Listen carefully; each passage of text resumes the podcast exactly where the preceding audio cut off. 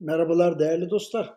Evet haftaya başladık. Bu hafta benim için biraz e, yoğun geçecek çünkü e, sabaha karşı Çin'e hareket ediyorum.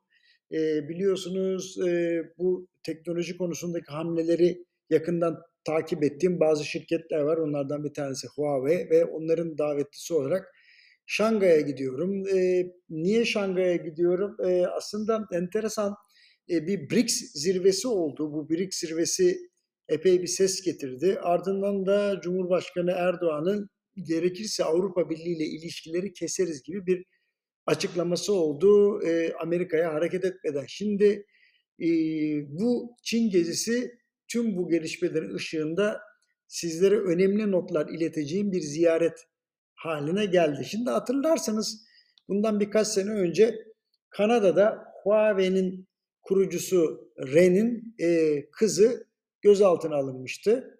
E, suç da biraz komikti. İşte çantasının içerisinde işte bir Huawei telefonla bir Apple telefon varmış. Ondan sonra bir de hepimizin taşıdığı işte bu e, işte nasıl diyeyim pil, yedek pillerde. İşte buradan bir casusluk suçlaması ortaya çıkardılar. Ben de yabancı dilde bir makale yazdım. Dedim ki yani Çin hükümeti de gerginlik tırmanmasın diye Huawei'ye destek atmıyor ama yani kadıncağıza da e, yani yöneltilen suçlamalar yani komik.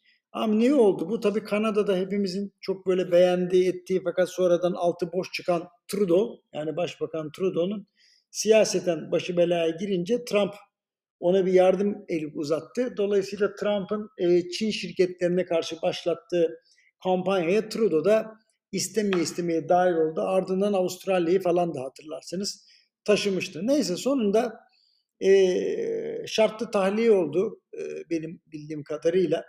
E, Meng Wanzhou yani şey e, kızı e, bileğine de bir e, şey takıldı. Takip telep, kelepçesi takıldı. E, sonra da e, sanıyorum usulcacık ülkesine döndü. E, yani gazeteler manşet manşet o e, gözaltına alınma ardından da şartlı tahliyedeki kelepçeyi yazdılar ama e, yani dönüşünü pek yazmadılar. E, ben de bir makale daha yazdım. Bu da e, yabancı dilde bir dergide çıktı.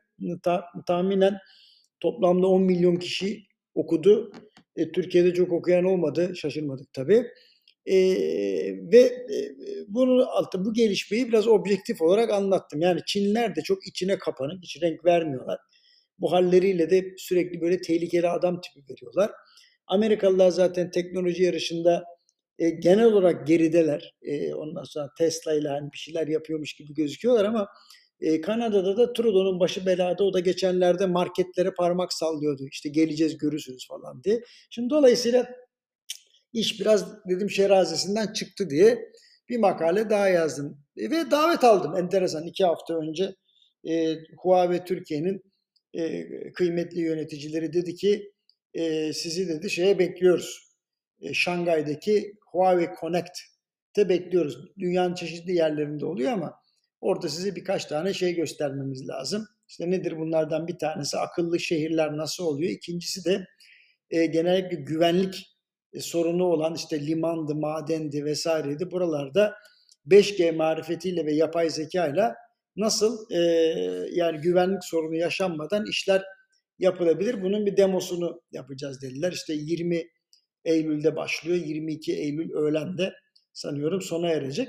İşte ben de burada dilim döndüğünce işte akademi ve özel sektör işbirliğini teknolojiyle kolaylaştırma konusunda bir şeyler söyleyeceğim. Yani işte teknoparklar, yazılım, inovasyon, dijitalleşme falan. Tabii içerik sağlama bunların arasında.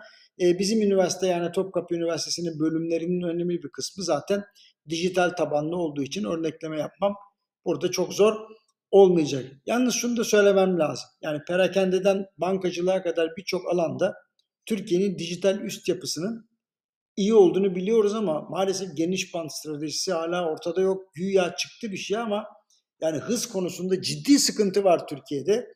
Yani Stockholm'un fiber optik kablo uzunluğu Türkiye'nin dört katı kadar. Yani bunu ben kabullenemiyorum bir türlü.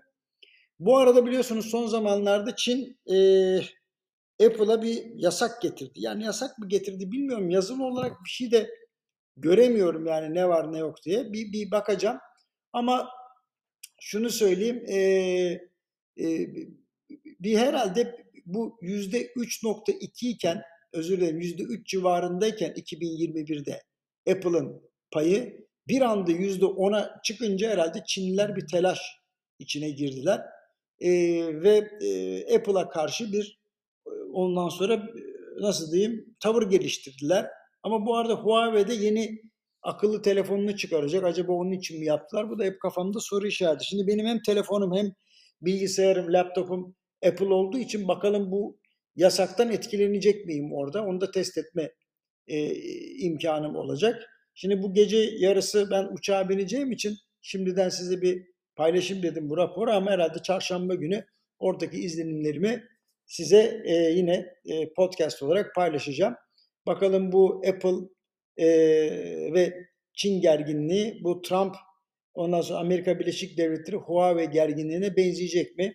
Yoksa sadece yani sonradan herkesin bir gevşeyeceği, rahatlayacağı bir başka hale dönüşecek mi? Onu e, herhalde yerinde görünce daha iyi anlayacağım efendim. Hepinize hoşçakalın diyorum. Çarşamba görüşmek üzere.